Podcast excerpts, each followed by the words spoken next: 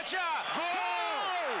Ангелис Харистеас открывает счет в этом матче! И вновь-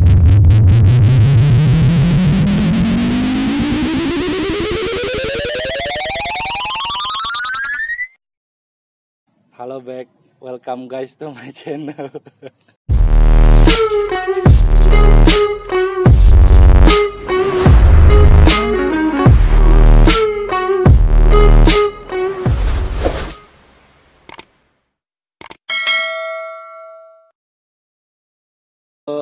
Welcome back to Hara Podcast. Hari ini kita bakal bahas tentang keajaiban Yunani 2004 yang berhasil menjadi juara Euro di Portugal. Sebelum itu jangan lupa buat like, komen, dan subscribe video ini.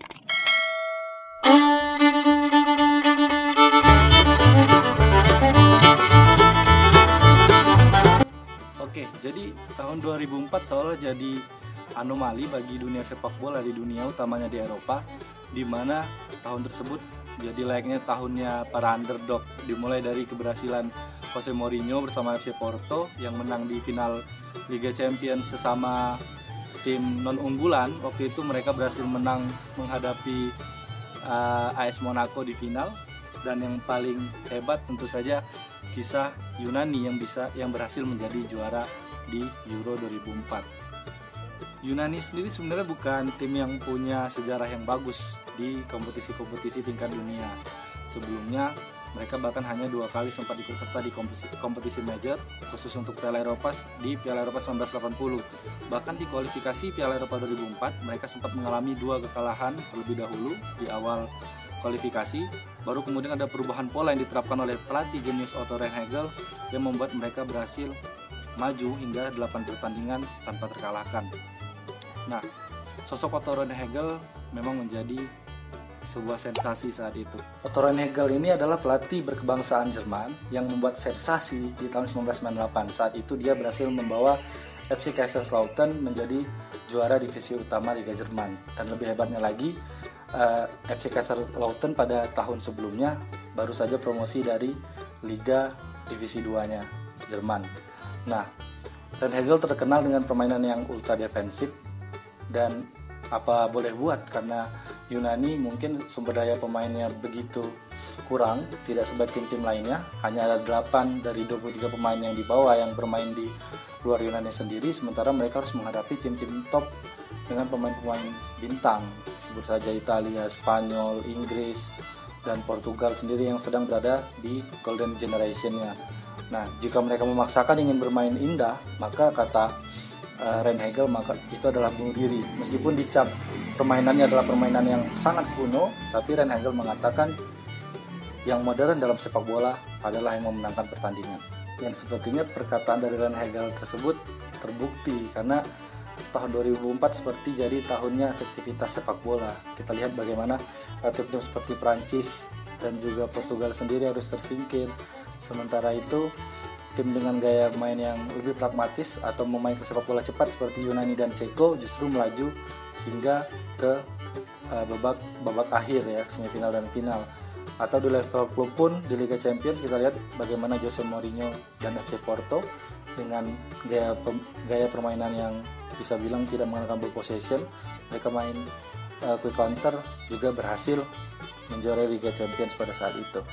Lalu untuk uh, pemain ada beberapa pemain penting di skuad Yunani 2004 sebut saja ada uh, Karagonis yang bermain di Inter Milan lalu ada Seitaridis di Panathinaikos yang juga mantan pemain Atletico Visis Fraizas di Fiorentina lalu ada Zagorakis pemain terbaik Euro saat itu di AEK Athens Nikopolidis kiper yang hingga 2016 bahkan jadi andalan yang bermain di Olympiakos lalu ada Angelo Basinas di Panathinaikos setelah itu baru dia mulai bermain di Mallorca dan beberapa tim hebat lainnya.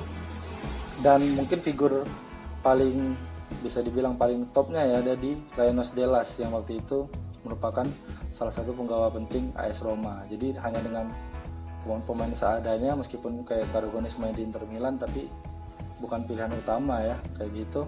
Mereka berhasil mencapai puncak dan menjadi juara. Benar-benar sebuah kisah dongeng di sepak bola apa yang dilakukan oleh Yunani pada saat itu.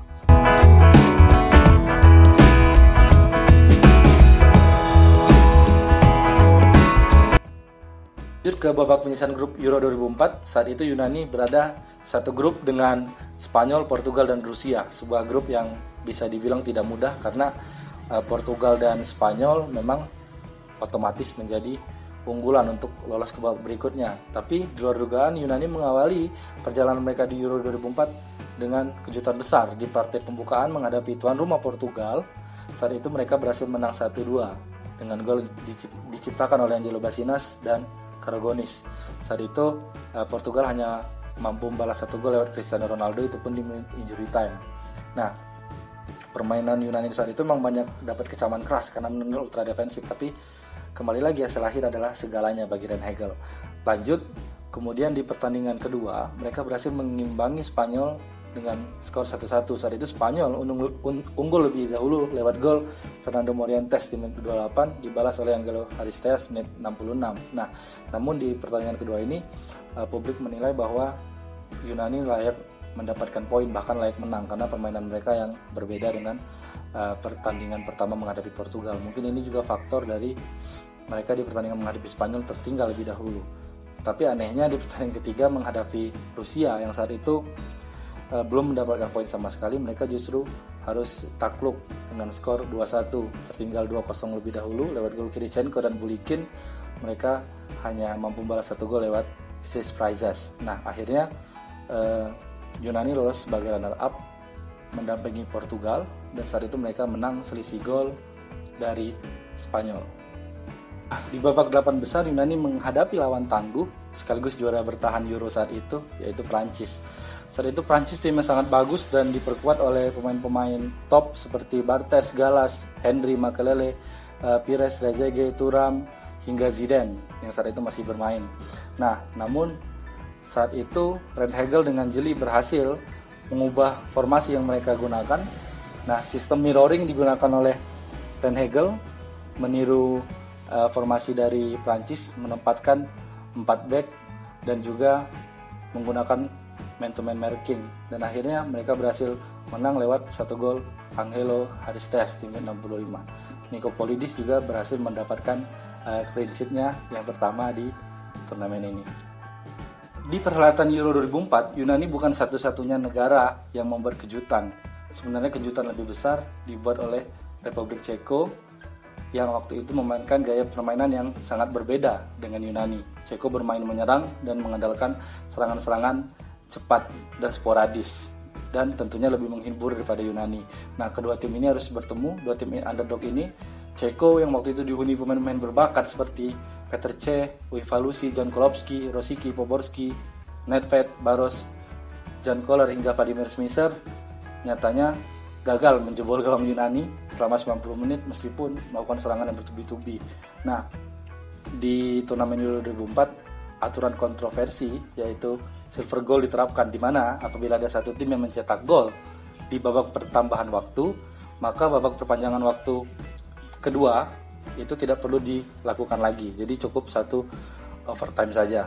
Dan akhirnya saat itu back asal AS Roma Traianos Delas berhasil mencetak gol di menit 105 plus 1. Jadi menit injury time extra time yang pertama lewat sebuah sundulan dan benar-benar momen yang menghancurkan para fans Ceko yang pada saat itu malah diunggulkan untuk menjadi juara bahkan saat itu ada striker baru dari Ceko yang jadi idola di dunia yaitu Milan Baros yang juga menjadi top skor di turnamen ini.